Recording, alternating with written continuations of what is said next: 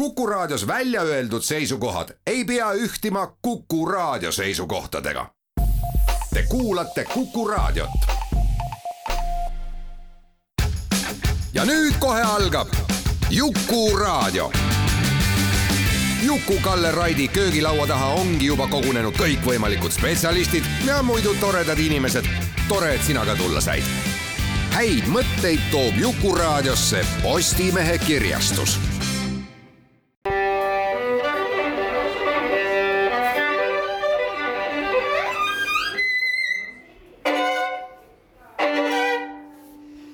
Laku panni.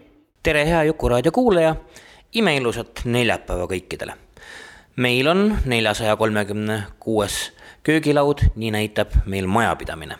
ja noh, meie, meie mõistes on, on ta ikkagi eriline, sellepärast et esimest korda, kui saade ei ole eetris enam vanast Kuku klubist, nagu me oleme ju aastate pikku harjunud vaid hoopiski Hinketornist, mis on siis äh, Kuku klubi senikauaks, kui see kunstihoone remondis, on asenduspind. Ja see Hinketorn, soovitan ikkagi kõigil seda vaatama tulla, see on ikkagi täitsa võimas värk, noh, neljateistkümnendal sajandil juba ehitatud, korduvalt küll ümber ehitatud, aga, aga niisugune hästi šefkoht muuseumi vastas enam-vähem laste maailma kõrval ja Estonia teatri vastas ka Vallikraavi mis need Pärnu maantee kaks, Vallikraavi kaks.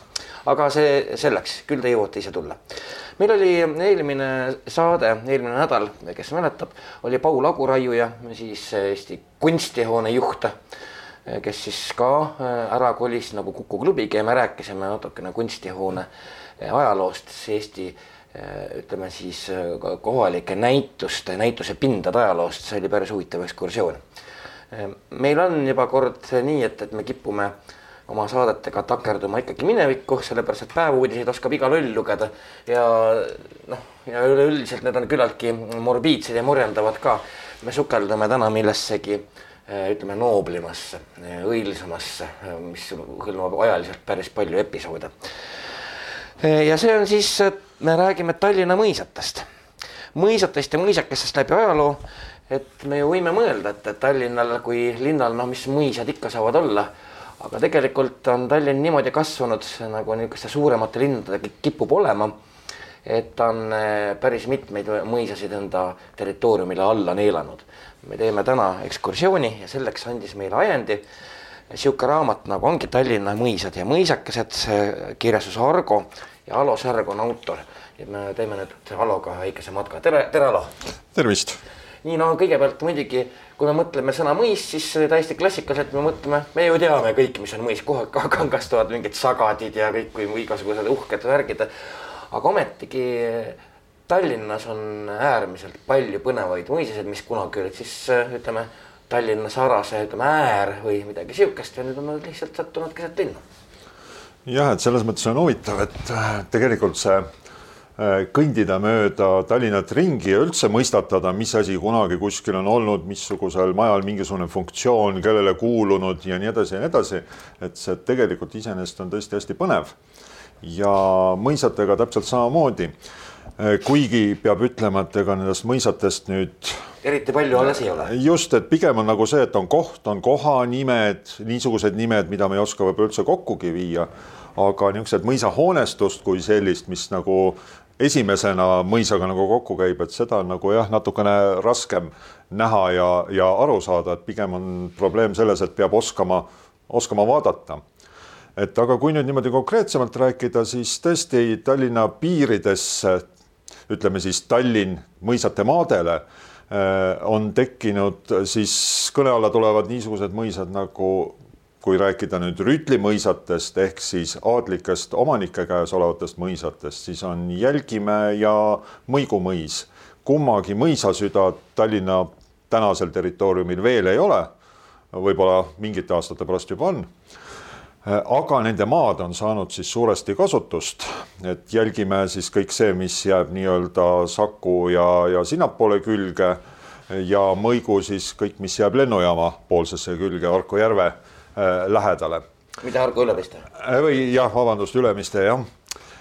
ja natukene siis Harku järve ümbert siis ka Harku mõisamaid, aga kui me nüüd räägime linnamõisatest, mis on täpselt samamoodi olnud ümber, siis Kautjala, Koitjärve, Nehatu mingite piiride pidi on tulnud sisse, samamoodi ka Väomõis pooleldi siis pool Lasnamäge, mis sinna alla jääb, noh, võib-olla pool on natuke palju öeldud, aga, aga vähemalt suur osa. ja mis on peaaegu tervenisti Tallinna territooriumil, kaasa arvatud mõisa süda, on siis Haabersti mõis, mis on andnud siis ka kohanimega tuvastamist natukene. Haabersti mõisaga muidugi see, et kui mõisahoonetest rääkida, siis on ainult üks hoone tänapäevani säilinud. koht on olemas, puude järgi on võimalik kindlaks teha, kus koha peal on park asunud teed on peaaegu sama koha peal, aga hoonetest tõesti üks väikene kõrvalhoone, et on säilinud.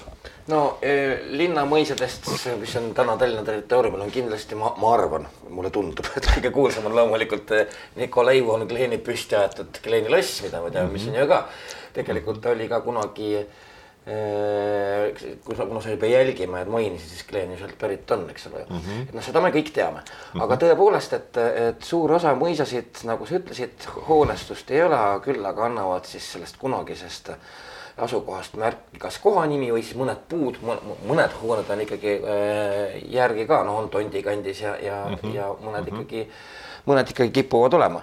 sinu raamatus sa kõiki Tallinna mõisasid ja mõisakesi siia raamatusse sisse ei, ei ole jõudnud panna, et mind huvitab hoopistükkis, mis printsiibi järgi selle valiku nagu tegid?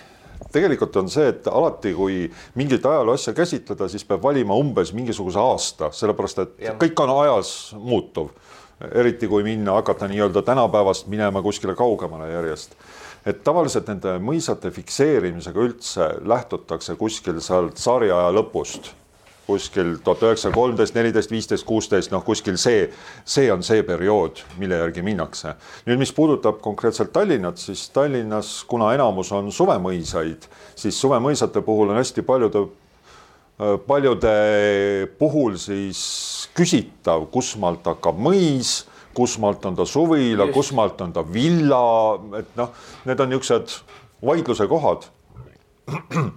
Et, et mille, mille koha pealt öelda, et, et siin ma ei saagi öelda, et see päris nüüd mingi kindel valik on, näiteks kui me räägime äh, Kose, Pirita Kose ümbruse hoonetest, siis tegelikult seal, kui nüüd juriidiliselt väga täpseks minna, siis on seal üksainus suvemõis ehk Kose suvemõis, mille sees on terve rida villasid millel on eraldatud ka maatükk ja mida pea, võib pidada suvemõisaks, aga võib-olla nad päris juriidiliselt ei ole.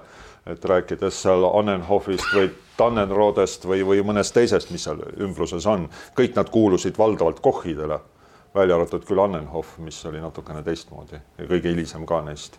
et, et see ongi niisugune äh, selgitamise asi või, või arusaamise asi, et äh, mingis mõttes on ka lähtutud sellest, nad on üldiselt niimoodi, et ajatelg on päris hästi näha, et näiteks kui juba seal minna nüüd ajaloosse tagasi, kuskil siis tuhat kuussada kaheksakümmend, üheksakümmend kaardi peale näiteks oli märgitud kakskümmend kolm hohvi ehk siis no kuidas eesti keeles peaks olema, hoov, mingisugune no ütleme, et nad võivad olla mõisad mm. -hmm. hiljem hakati neid nimetama tõesti höfseniteks ehk nad olid siis jälle eesti keeles kas mõisakesed, mida tänapäeval tahetakse tõlkida suvemõisaks, aga minu arvates see suvemõis on natukene niisugune noh, ütleme eksitava iseloomuga selles mõttes, et suvemõis tähendab eelkõige ikkagi niisugust no ma ei tea, puhkekohta yeah, või yeah. suvilat tänapäevases mõttes, eks ole. isiklik kuurort. just, just, et see oli see, et sul oli linnas korter, siis sa sõitsid linnast välja Grünesse ja vot sul oli seal mingisugune elamine ja nii edasi. Äh, aga väga paljud nendest Höfsenitest siis mõisakestest on hoopis pigem niisugused majanduslikud üksused olnud, et, et nad ei ole üldse niisugused suvila mõttes olnud, kuigi jälle, kui täpne olla, erinevatel aegadel on nad olnud erineva funktsiooniga, tähendab, nendes on mingisugune areng käinud kaasa sellega, kuidas on üldriiklik areng olnud, kõik majandus ja no, kõik. teeme korraks, kui me nüüd eh, siin imaginaarselt seda ajatelge ette kujutame, eh, siis äh, mis ajal umbes me võiksime rääkida esimestest, noh, me nimetame siis kas mõisakestest või, või, või siis äh, lõppkokkuvõttes need ilmselt varasemad ei olnudki nagu ette nähtud just nimelt puhkekohaks, vaid vastupidi, et nad olid ikkagi äh, midagi toetav majanduslik üksus tõepoolest linna siis ütleme piiri taga, äh, mis siis pidi aitama, ütleme inimesel jõukust koguda ja seda korterit pidada, mida ta Tallinnas näiteks omas ja nii edasi. jah, et sinna käivad isegi mitte ainult jõukus sõna otseses mõttes, selles mõttes nagu meie praegu Äh, mõtlema, vaid pigem just nimelt, et äraelamist aidata, et, et me jõuame kuskile keskaega. Ega keegi päris täpselt ei tea. ei tea ja me, me peame vanu kaarte vaatama, et, et see on nagu. jah, ja noh, seal on jälle seesama vaidlemise koht, et igatahes keskajal olid linnas müürist siis ütleme, esialgu. Just nimelt väljaspool niisugused aiad, mida kasutati erinevatel, erinevatel viisidel, olid seal siis mingid taimed, juurviljad mingil, mingitel hetkedel olid seal võib-olla mingisugused looma, noh, laudalaadsed, ka kütuseladu näiteks, puud, kõik niisugused asjad. et see, seda nagu loetakse nende mõisakeste alguseks siis või niisuguseks alguspunktiks. aga varauusajast me juba teame palju rohkemaid. just, et tegelikult kuskil päris ajaloo alguseks saab lugeda aastat tuhat kuussada viiskümmend kolm kui hakati kruntima siis kõigepealt Kristiine heinamaad, see on siis kuninganna Kristiine, kes andis siis heina äh, maa otstarbel siis mingisugused jupid linna kasutada äh, ja siis seda hakati kruntima. räägime tänasest Lilleküllast enam-vähem, et, et, et noh, et lihtsalt, et pilt selge oleks. ja täpselt ja seesama Kristiine Heinamaa on andnud terve linnaosale nimetuse, eks just, ole. Äh, ehk siis tänane kuskil siis Mustamäe tee ja, ja kõik see kant, mis sinna vahele jääb Pikku Mustamäe teed siis. Äh, ja hakati seda kruntima, äh, jagati eelkõige linna, ütleme siis nendele eesrindlikele tegelastele, raetegelastele, eelkõige kaupmeestele, kes said sinna siis selle oma maatüki, neil olid teatavad kohustused muidugi, kuna see oli niisugune noh, ei saa päris öelda jäätmaa, aga ütleme siis niimoodi, et heinamaa, millel olid noh, tänapäevases mõistes midagi puisniidulaadset, et seal olid ka puud ja, ja kõike muud.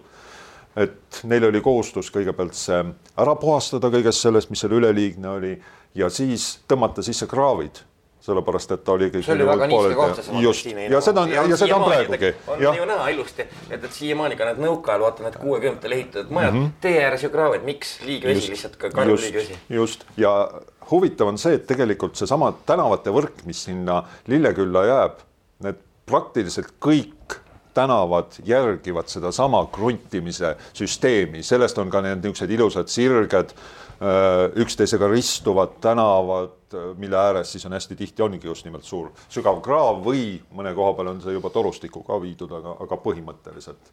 et see nagu oli esimene, sellele järgnes kohe niisugune noh, ütleme buumilaadne asi, hakati samamoodi Kadriorgu kruntima, mis oli ka jäätmaa sel hetkel või niisugune mitte jäätmaa, ütleme siis metsa ja, ja heinamaade vahepealne, kõik see, mis jäi panga ääre alla, ehk siis praegune Kadrioru park.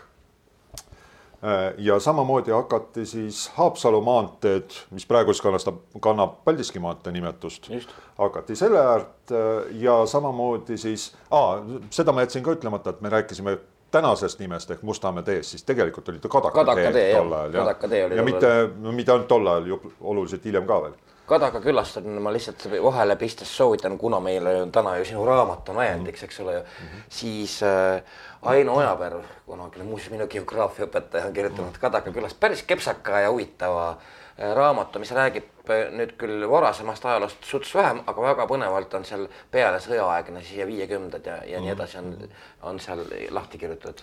vabandust, et ma, vabandust, ma sulle vahele hüppasin selles mõttes on huvitav, et kui nüüd rääkida sellest samast piirkonnast, et seal tegelikult, kui me nüüd ütlesime, et näiteks kruntimine on kõik näha tegelikult, siis hästi palju on just seal säilinud selles maastikus seda, mis sellest mõisatest alles on.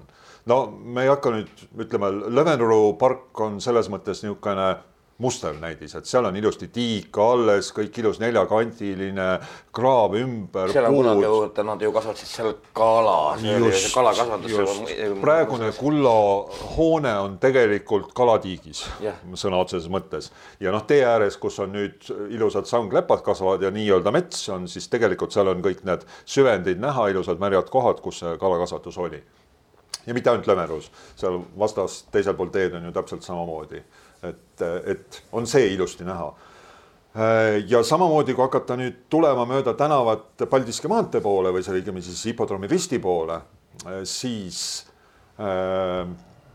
no näiteks kasvõi see ekskavaatoritehase tehas iseenesest muidugi on hilisem kõik. talleks. just, aga selle ees olevad need suured puud. Need on kunagised mõisapargi omad. just, selle koha peal, kus oli Talleksi hoone, oli tegelikult Blankenthali mõis, suvemõis siis, kus äh, kõigepealt aretati kartulit näiteks või siis oli, tähendab, tegeleti sordiaretusega ja lisaks sellele oli seal nii kuulus tööstus.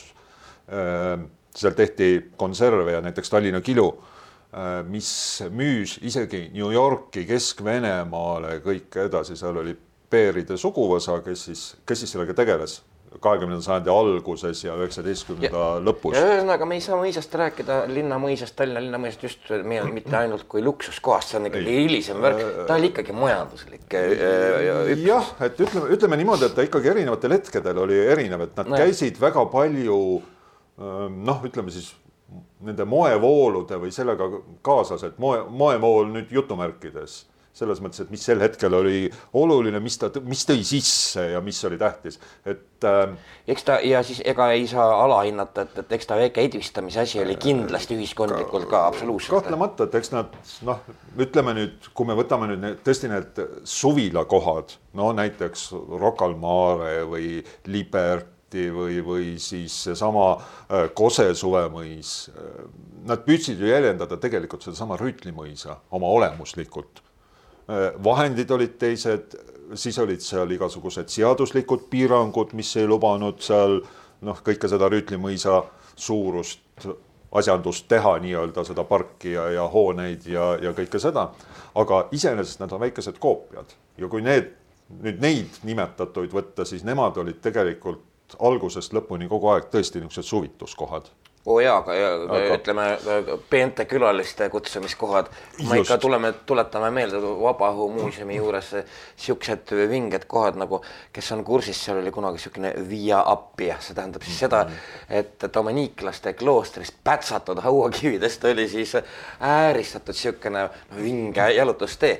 ajapaik ee on siukene sait, kus on näha neid Via Appia siukseid ähm, fotosid. see oli, see oli niisugune puuserdamise värk. just, just, see oli, see oli näitamine, samamoodi see Kose suvemõisas kõik need vaated ülevalt sealt kõrge kalda pealt ja nii edasi.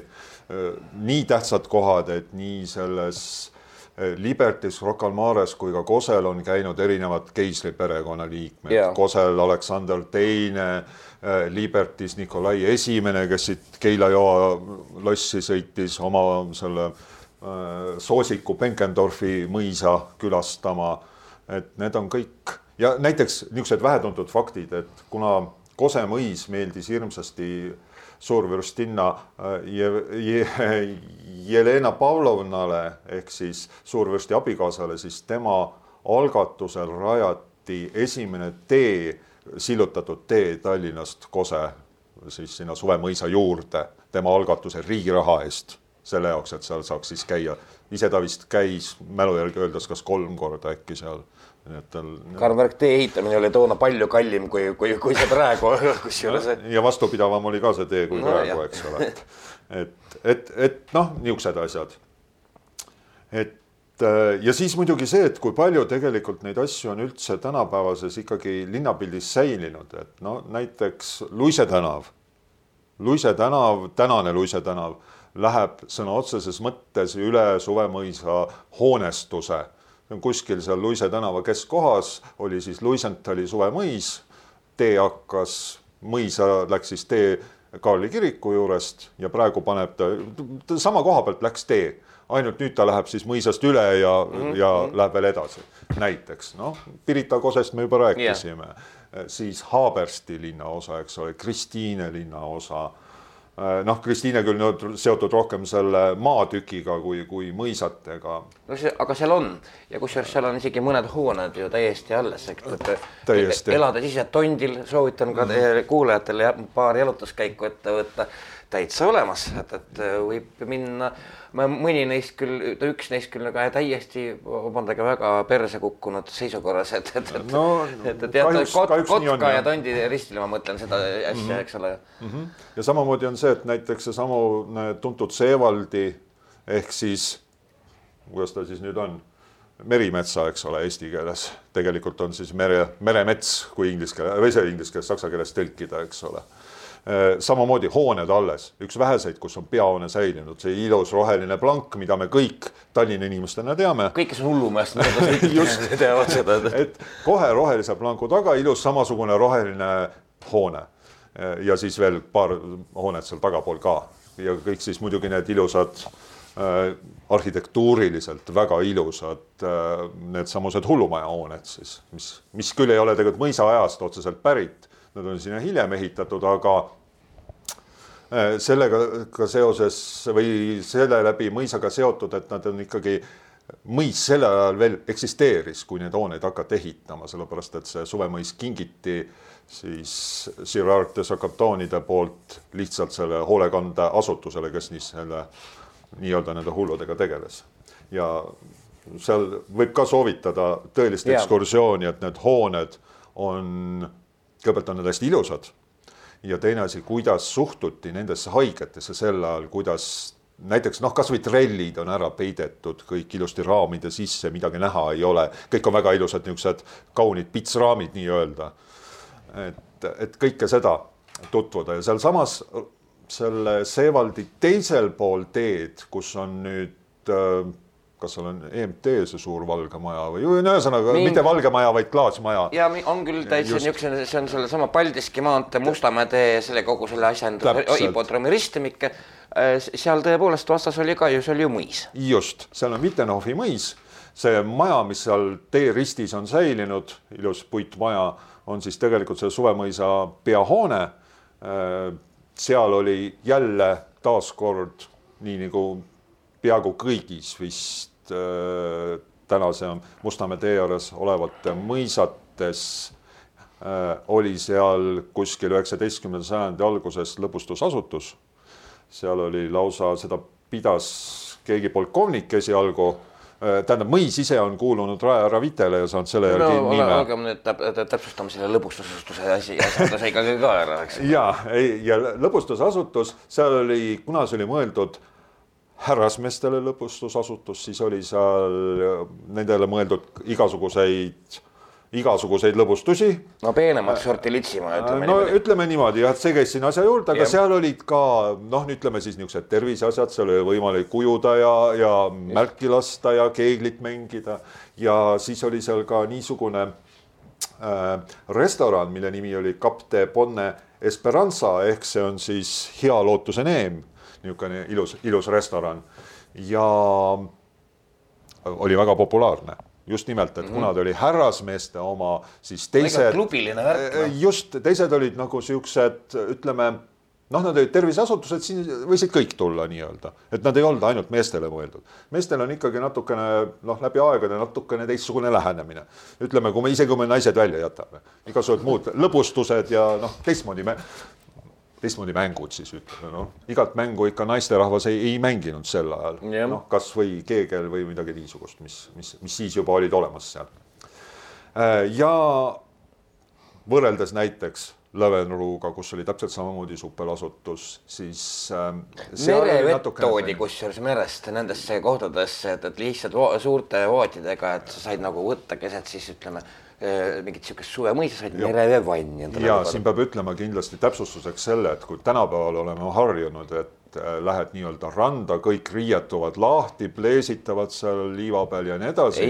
siis üheksateistkümnendal sajandil, kahekümnenda alguses mitte midagi niisugust ei olnud, keegi ei riietunud jumala eest kuskil lahti ja kui sa päikese käes olid, siis tavaliselt päikesevanni võeti ikka niimoodi, härrasmees oli ülikonnas ja naisterahvas ka ikkagi pikas selles mingis kostüümis, kübaraga ja, ja nii edasi. me oleme näinud, et noh, näiteks need ka veel Eesti Vabariigi aegsed kroonikat, kus ma ei tea, Tammsaare näiteks suvitab või Vilde keegi kuskil seal äh, rannas, et, et, et kindlasti ei olnud mitte midagi paljas. ja ujuma mineku jaoks oli spetsiaalsed niisugused majakene ikkagi. majakesed jah, just nimelt või näiteks viidi tõllaga äh, vette, siis astusid sealt õlleastme pealt maha, sul oli vastav see ujumiskostüüm ja said seal siis kümmelda, nii et selles mõttes äh, olid need supelasutused just nimelt niisugused, ma ei tea, tänapäevased mingid basseini ja vanni vahepealsed, et noh, et, et äh, siin on nagu see kontekst oluline, et muidu, muidu seda süsteemi ei mõista, miks mm -hmm. see nii oli. et ja tõesti, need lisaks mereveele iga see kümblusasutus püüdis leida mingit oma nišši noh, siis oli ka konkurents. muidugi, muidugi. kõik, kui võtta seal. kellel muda, kellel soolad ja nii edasi. just ja kuidas kiita, et noh, näiteks seesama Lövenruu äh, sealt voolab läbi ju oja, mis tuleb siis sealt kõrgemalt poolt Mustamäe poolt allikatest, siis see pidi olema hästi rauarikas, mis on siis jälle niisugune raviotstarbeline ja nii edasi, nii et noh. Kleeni maade pealt tuleb see? Äh, jah, ta tuleb sealt ülevalt poolt just nimelt, et umbes selle koha pealt, kus tal see kalmistu on ja, ja, ja, ja sealt. no see tuleb jah sealt meil rõõmuallikas oli baptistide ristimiskoht tegelikult, kunagi, et, et, et mida ka iga tüüp, kes talvel suusatamas käib, käib, siis ta suusatab sealt kogu aeg mööda, kus esimesed siis jah, baptistid üksteist ristisid ja mistõttu see ka rõõmuallikas on mm. -hmm, mm -hmm. et noh, tegelikult on, mõtle, et kõik need asjad on nii läbi põimunud läbi aegade, et noh, tegelikult on see, et ühte asja enam lahti võtta ei saagi hästi äh,. nii, et ühesõnaga jah ja ka see, millest me praegu rääkisime, see oli kuskil kaheksateistkümnes sajand mm. -hmm kaheksateist, üheksateist sajand ja üheksateistkümnenda sajandi alguses, keskpaigas hakkasid tegelikult tulema siis need tööstused, samal ajal maamõisates täpselt samamoodi, kas tööstused, siis viina tootmine, kõik niisugune. no meil oli Balti eriolukord, me võtame nüüd kogu selle põhjaranniku eh, Virumaa ja jumal küll, see kõik on ju viina tootmise, Balti eriolukorra viina tootmise loa tõttu nii rikkaks saanud. tõepoolest, kui me vaatame kõiki neid mõisaseid, millest oli siis kohe siin ploki alguses juttu, sagadid ja kõik siuksed. Mm, -hmm. nagu vinged siuksed, eks ju, uusklassitsistlikud ja palmsed ja need, need on ju kõik, see on ju puhas viin, mida ja, me tegelikult ja, no, vaatame, kui näiteks sealsamas Palmses näiteks vaadata, peahoone kõrval kohe kahekorruseline kõrge korstnaga hästi uhke viinavabrik, nii et noh, see on selge kuskilt pidid need rahad tulema. et noh, kõik ei tulnud niimoodi, et noh, okei okay,, osadel oli see, et tuli riigiteenistusest ja, ja nii edasi, et noh, või mingi suguvõsa mingisugused pärandused ja nii edasi. aga valdavalt tuli ikkagi, tegelikult terve Balti-Saksa ühiskond elas viimased, viimase sajandi, poolteist sajandit tegelikult puhtalt viina peal või ütleme siis tulude peal. nii, nad võisid ka viina peal elada, aga tulude peal ka. aga eh, me teeme korraks pausi, me räägime täna eh, Tallinna mõisadest, mõisakestest, me räägime neist kui sellistest noh, alates kuuraritest, suvilatest kui ka tootmisüksustest. ja selleks ajendiks on meil siis kirjastuse Argo poolt välja antud raamat ongi Tallinna mõisad ja mõisakesed, mille on kirjutanud Alo Särg, kelle üle meil kõikidel praegu hea meel on, sest ta on on siin teeme vahepeal ühe pisikese pausi ja tuleme kohe tagasi. Te olete Kuku raadio lainel ja kuulate Jukuraadiot.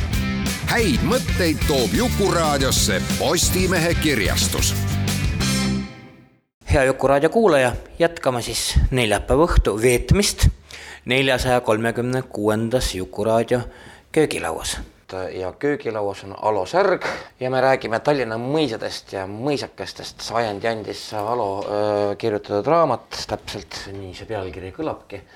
ja see on täitsa huvitav, et, et, et see raamat aitab tegelikult teha Tallinnas hoopis teise pilguga ekskursiooni, kui me võib-olla harjunud oleme, eks ole ju, et noh, et, et, et mis see linnas ikka olla saab, aga eks Tallinn on need maad lihtsalt äh, lähiste maad alla, lähiste mõisade maad alla neelanud. Aga enne kui me läheme nüüd Tallinna mõisade juurde tagasi, siis üks asi, et Alo äh,, Särg on kirjutanud, sul läks nüüd endal lugemine sassi, Eesti teistest mõisadest ka, aga see võib-olla lihtsalt olgu märkus ja korra sa mainid, et palju neid sul kokku on, sa läksid sassi praegu jah? ja ma pakuks, et kuskil kahekümne juures jah, midagi. Võib-olla natukene siia-sinna, et see on tõesti natukene peab matemaatikat juba rakendama, et üles hakkama kirjutama, et siis, siis tuleb ette nii, aga mm, ja mõisad, kes esimest plokki kuulas, teab, me rääkisime neist kui äh, tootmisüksustest, majandusüksustest, kindlasti nad olid äh, mõisaomanikele mitte äh, oma, oma algses mõttes kindlasti mitte sugugi niisugune, niisugune vinge uhkusasi, vaid ta ikkagi, ta ikkagi pidi majanduslikult kindlustama seda Tallinna kodanikku, kes muidu siis vanalinnas seespool müüri elas, eks ole aga üks asi, millest me võiksime tõesti rääkida, on need Tallinna mõisade nimed.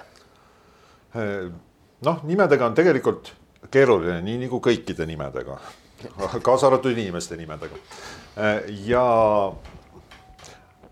jälle on see, et nimedega on nähtav selgelt erinevate moevoolude mõju ütleme, kui algselt hakati nimetama neid üldiselt inimese nime järgi ja lõppu käis lihtsalt Hoff nagu Wittenhof, Wittemaja siis või mõis või, või, või omand, ütleme siis nii, õu, mis iganes äh, aga kuskil siis peale Põhjasõda tuli tegelikult moodi see, et hakati niisuguseid romantilisi nimesid. ja vinge, vingemaid nimesid panema. just, et ta pidi nagu millegagi eristuma, et mitte lihtsalt mingi õu või hoov, et see nagu niisugune labane natuke. ja siis tulid näiteks, et tuli Löwenruu, kelle omanik oli siis kuberner Löwen noh, siis on lõv, lõvirahu siis ühesõnaga just nimelt, et niisuguse puhkekohana. no siis näiteks seesamune nimetatud äh, kleenide suvemõis ehk siis Hohenhaupt tõlkes tõenäoliselt on midagi kõrge pea või, või no, vihjates kõrge, pangale just. kõrge penukk on seal, see on see Tallinna, see muuseas, ega see lihtsalt vahele märkusena, see on see kõrge penukk, kus siis läks kunagi Tallinna ja Harku saare -hmm., Linnasaare see piir otse siis, eks ju, Harku järveni, et et jah mm. -hmm. et noh, et ütleme, võib-olla on see mingisuguse kohanimetus ka, siis näiteks Joachimtal näiteks Äh, siis kaupmees Jauchi järgi ehk siis praegune Juhkentali piirkond jälle, mis on saanud oma nime sellest. Äh, siis no jälle võib-olla koha järgi mingis mõttes, näiteks Springtali suvemõis jälle Mustamäel, see on siis äh, allikaorg, neid hallisid ehk orgusid on üldse hästi palju, need on niisugune jälle niisugune romantiline, et kuskil metsa ääres just, just, et äh, kuskil just nimelt selle Katariinentaliga seoses äh, arvatakse, et tuli naiste nimede panemise laine mõisatele, kas see käis siis naiste, tütarde, tähendab naiste siis abikaasade äh, järgi siis nimetamine. no samune see Katariinental tõenäoliselt Katariina esimese järgi, kuigi tegelikult äh, niikaua kui Peeter Esimene ja Katariina Esimene elasid, siis tegelikult oli ta Fonnental ehk siis äh, raehärra Fonne järgi saanud nimetuse. Katariinental tuli alles kuskil tuhande seitsmesaja viiekümnendatel nii et see ei, tõenäoliselt ei olnud nii, et Peeter Esimene nimetas selle, et. ja see on, see on nagu, see on nagu nunnu linnalegend, see on nagu armas. jah, et ta on niisugune noh, jah, Katariina org, nii nagu praegu Äh, aga neid äh, naise nimesid tuli korralikult. no näiteks sealsamusel Luisenthalist meil oli juba jutt korra Luise tänavaga seoses, siis samas Kadriorus on Clementinental praegu ilusti mõisahoone ka säilinud kohe siis äh, see on siis Lauluväljaku vastas põhimõtteliselt teisel pool ääres üle tänava.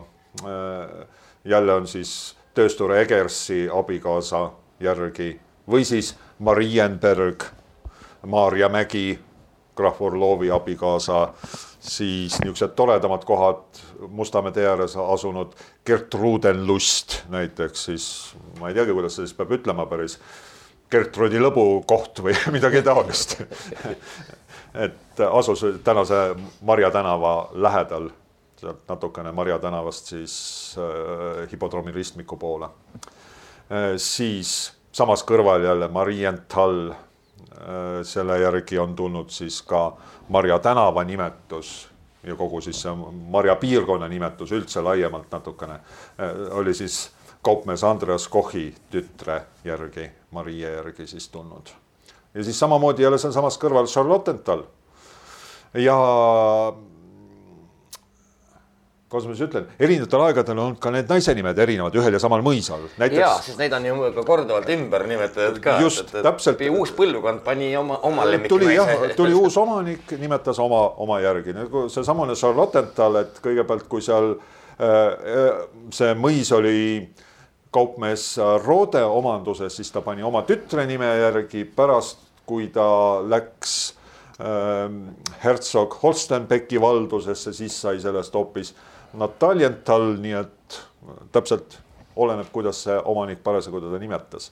et, et jah, nende nimedega on ja siis muidugi niisugused päris erilised nimed nagu Liberty tähendades vabadust, mm. eks ole.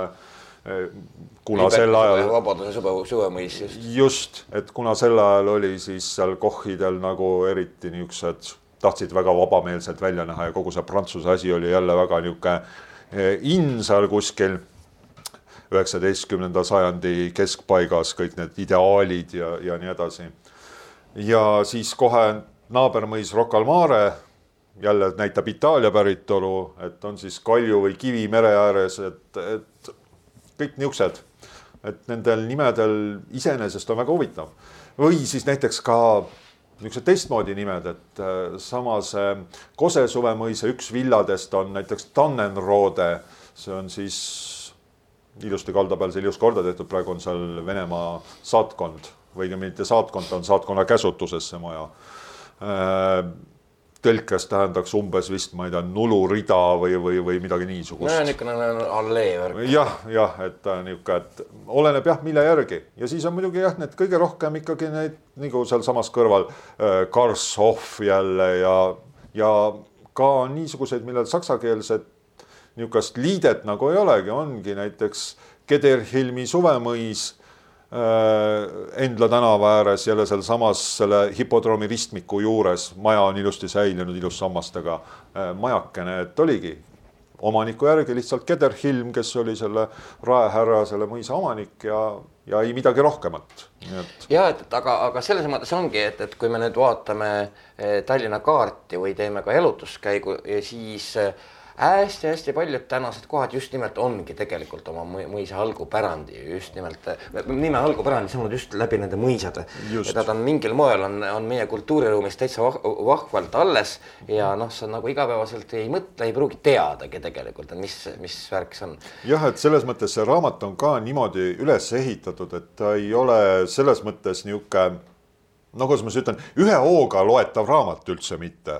et no loomulikult ühe korra sa võid ta kaanest kaaneni läbi lugeda, aga pigem. ta on jalutuskäiguraamat minu meelest. just, just ta on selle mõttega, ta natuke erineb kõigist nendest teistest Minu mõisa raamatutest, kus on jaotis kas kihelkonna või maakonna järgi, eh, mis nagu maapiirkonnas grupeeribki mingisugused mõisad ja omandid et siin on mindud tõesti selle kaasaegse linnaosa järgi ja tänavate järgi, et noh, tõesti sa saadki jalutada ja vaadata, mis on ühel või teisel pool, et mitte mingisuguse, mingi muu jaotuse järgi no ja, ja mingid kohanimed, mis täna on see, et, et, et me kindlasti esmaspilgul on, on lihtsalt äh, sattume segadusse või need on mhm. eksitavad mm. -hmm. Need, mis meile tundub, seesama tondi, millest me korraks mm -hmm. rääkisime. no ei ole, seal ei ole kummikuste, kummituste ja tontidega mitte mõmmigi pistist, vaid see on sellisel jälle järjekordselt äh, omanikud anti järgi nimetatud, siis tuli just, tondi, nii et. just, see on lihtsalt rahvapärane mugandus sellest. just, just, ja neid mugandusi on veel, et need on nagu väga lahedad iseenesest.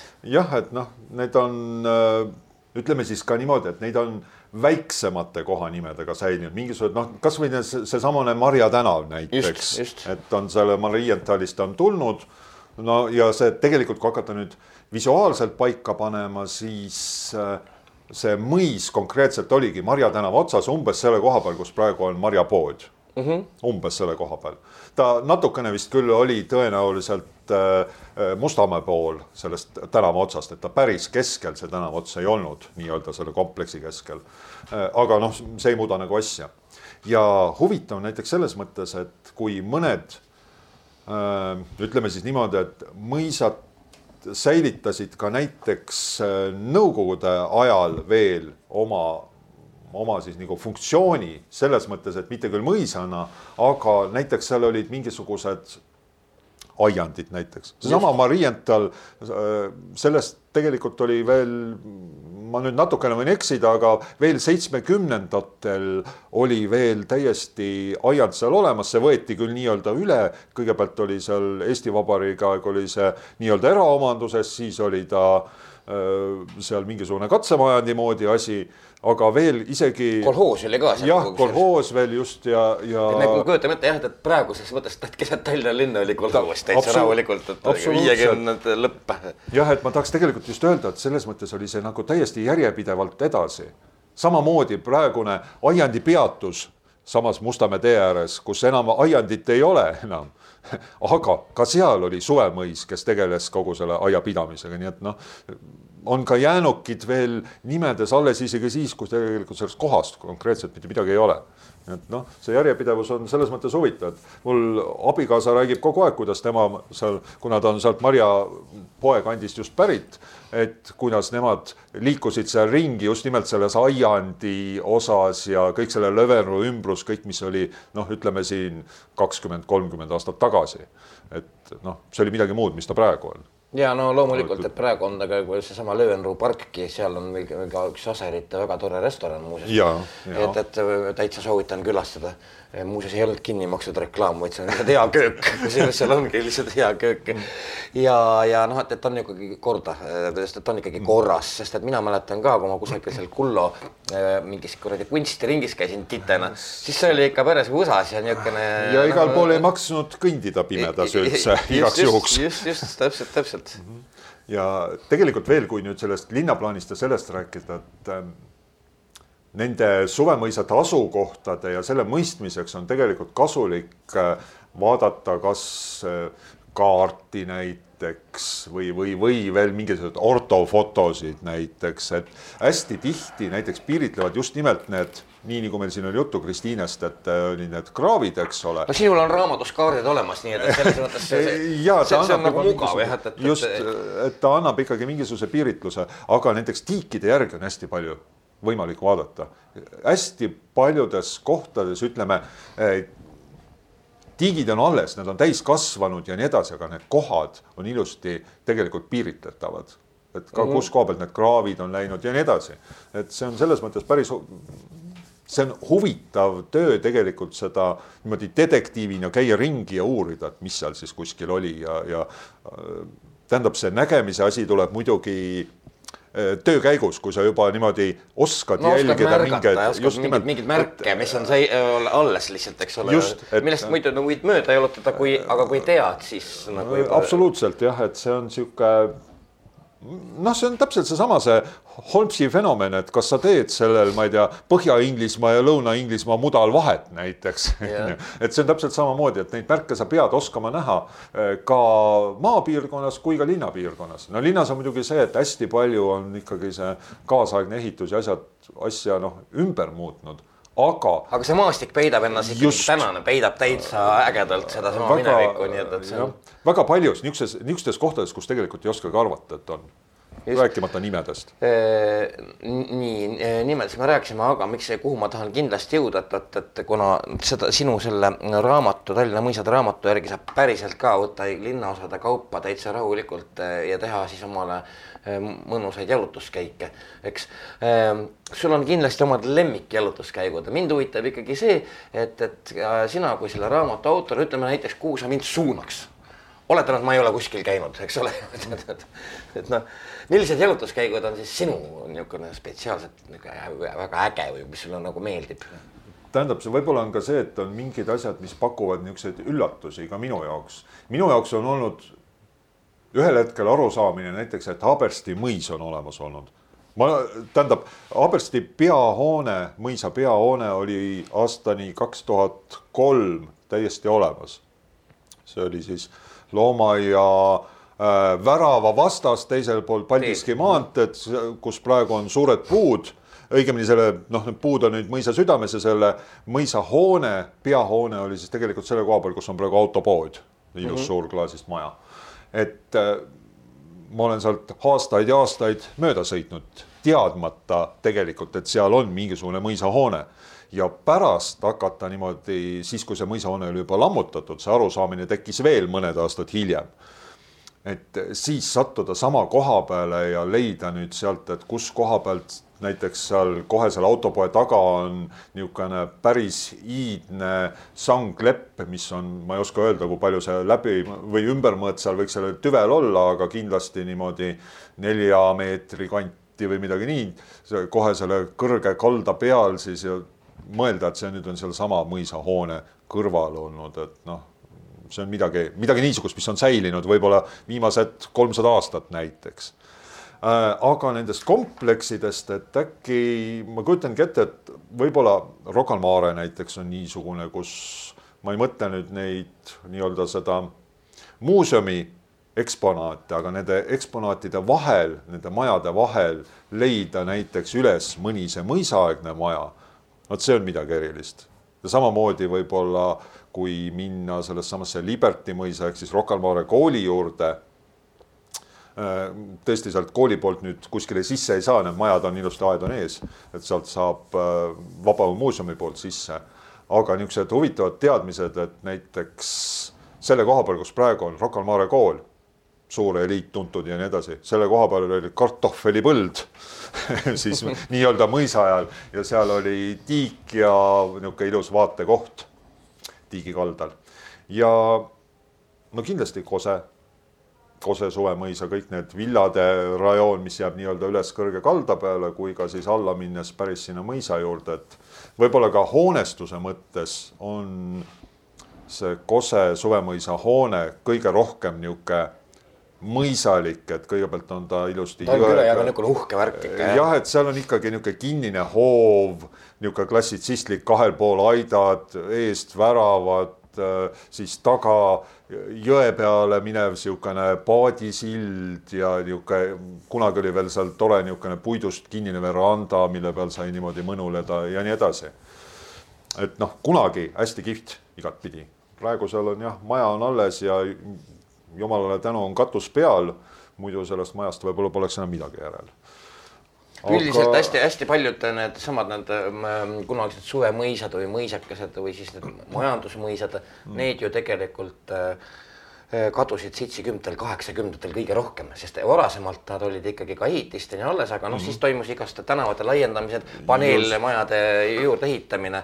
nii et tegelikult, kui me nüüd võtame nii, siis nad ei olnud väga kaua aega tagasi üldse linnapildis täiesti olemas, et, et, et linnapildis täiesti olemas. jah, ja praegu on nii, et mõnda ei ole võimalik näiteks üldse enam kindlakski teha, kus koha peal oli täpselt. no näiteks nagu Estonia suvemõis Äh, siis jälle sealsamas tuntud Paldiski või õigemini hipodroomi kõrval kohe, kus on siis, ma ei tea, kuidas see nüüd täpselt nimetatakse, trammi ja trollipark endine. Selle territooriumil, kuskil ta seal täpselt oli. aga noh, see on asfalt. Jälle, seda ei saa, sa ei saa kätte lihtsalt seda enam. täpselt. ja see on selles mõttes on huvitav, et selle kohta on vähemalt mõni foto säilinud, muidu on nii, et enamuse nende niisuguste üksikute suvemõisade kohta ei ole fotosid ja pole isegi täpselt teada, missugused need hooned välja nägid ja, ja nende hoonete üle ka veel võib vaielda selles mõttes, et missugused olid, missuguse funktsiooniga täpselt ja nii edasi. ta oli ka muidugi see, et, et miks, miks me alati takkajärgi saame aru, et kurat, ühe pildistati, see on väga lihtne, see on, ta kuulas nii elementaarselt, eks ole ju sul noh, ma ei tea, nii-öelda tänavavaate või, või juurde või noh, jäi kuhugi tee peale ja, ja selliseid asju kaasaegsed ju reeglina ei märka, me muuseas teeme ise sedasama kogu aeg. ei, see on et, täpselt see, et sa saad aru alles siis, kui see asi on kadunud, et miks ma ei teinud, ma käisin kogu aeg, ma järgmine kord teen selle pildi. Ja täpselt nii lähebki just, ja alati on ja kui nüüd äh, sellesama noh, niisuguse mikroajalooga tegeleda, milles, milles, mis mõttes, äh, mõnes mõttes need suvemõisad kindlasti just on, et mida, mis aastakümnel seal millega tegeleti, et on mm, -hmm. on ju toonase ühiskonna niisugune väike mikromudel või noh mm -hmm., näidis, nagu sina nimetasid neid ka moevoolud, eks, et ega moe mm, -hmm. moevoolud ongi ju valitsenud ka tööstuses absoluutselt igal, igal pool, eks ole ja siis äh, neid, neid muidugi ei taibunud keegi pildistada, ma näiteks ma mõtlen, et veel seitsekümnendatel ma mäletan Nõmme titena kuskil mingi viieaastasena mingit mm. kuradi pisikest toidupoodi ja, ja noh, kaheksakümnendate alguses kuskil fotoringis käis, ega see küll pähe ei tulnud, et neid võiks mm. pildistada, eks. et noh, et see oli, see oli kõik nii tavaline ja, ja. ja see on täiesti loomulik, et nii ongi ja noh, kui nüüd pildistamise koha pealt veel tagasi mõelda, siis tänapäeval on see pildistamine hästi lihtne no,. Lähed ja klõpsutad ja see põhimõtteliselt ei maksa midagi. sajast variandist üks pilt ikka enam-vähem kõlbab, eks ole. ja, ja noh, see, et ta seisab sul kuskil seal arvutis, et noh, see nagu ei nõua midagi, aga noh, ütleme siin suutsin ka veel kakskümmend aastat tagasi näiteks pildistada, kui oli vaja ikkagi paberi peale teha, kaadrid olid loetud ja nii edasi, et noh, siis nagu ei klõpsutanud ka nii väga lihtsalt selle hetke mingisuguseid jäädvustusi, et see pidi ikkagi midagi natuke tähtsamat olema. on jah, nii et tegelikult needsamad mõisad, need Tallinna mõisad õpetavad võib-olla ka märkama siis äh, seda, mida me peame tänaseks suvaliseks olmeks või noh, ütleme igapäevaks asjaks, aga, aga mis ometigi eh, see muutub ajalooks ja tegelikult ta muutub eh, nagu toonase kultuuri visiitkaardiks, et, et noh, ta lihtsalt see nii on.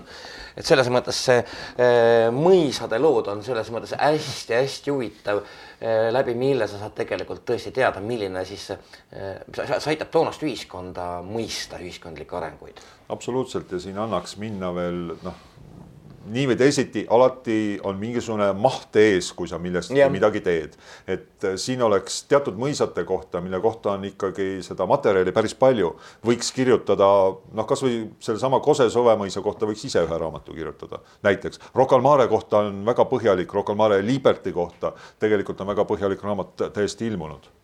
et, et noh, seda materjali oleks, äh, aga veel kord, et noh, formaadist ja mahust kõik asjad sõltuvad, et alati on, tuleb teha mingeid valikuid ja huvitavaid asju ka välja jätta selleks, et oleks järgmine kord jälle millest alustada, kas ise või siis keegi teine, et, et noh, ma arvangi, et selle raamatu niisugust kaks põhieesmärki ongi, et ühelt poolt on see huvi äratamine, et keegi oskakski näha seda, mis mis teda ümbritseb. ja teine on siis puhtalt äh, lihtsalt ekskursioon, et meil oleks midagi ette võtta, et sa võtadki raamatu kätte ja kõnnid ja vaatad, mis seal on. võib-olla mingisuguseid see on pikemaid... väga šikk ajaveetmise vorm kusjuures. jah, ongi, et see, sa ei pea mingeid pikki niisuguseid tagajärgi sellest mõtlema üldse nii-öelda välja, vaid noh, see ongi tore välja, väljaminek, seal on tore jalutada ja mingisugune eesmärgiga jalutada natuke parem kui lihtsalt jalutada.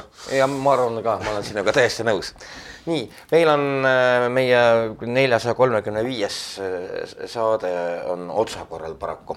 Alo Särg on meil siin täna ja ma siis, äh, meil, me siis rääkisime Tallinna mõisadest ja mõisakestest ajaloos, milleks siis andiski Alo raamat meile no üsna värskelt ilmunud, mõned, mõni kuu tagasi andis meile äh, ajendi ja see annab ka tõepoolest, kui tänapäeval on väga moodne jälle moevool, vool käsib meil telefon taskus, käsib samme teha.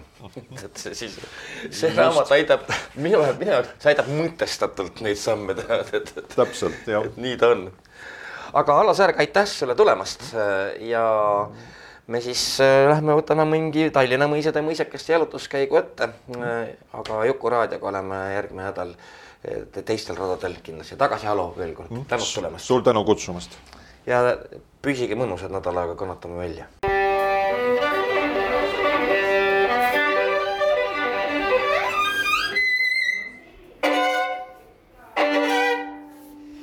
Laku panni häid mõtteid toob Jukuraadiosse Postimehe kirjastus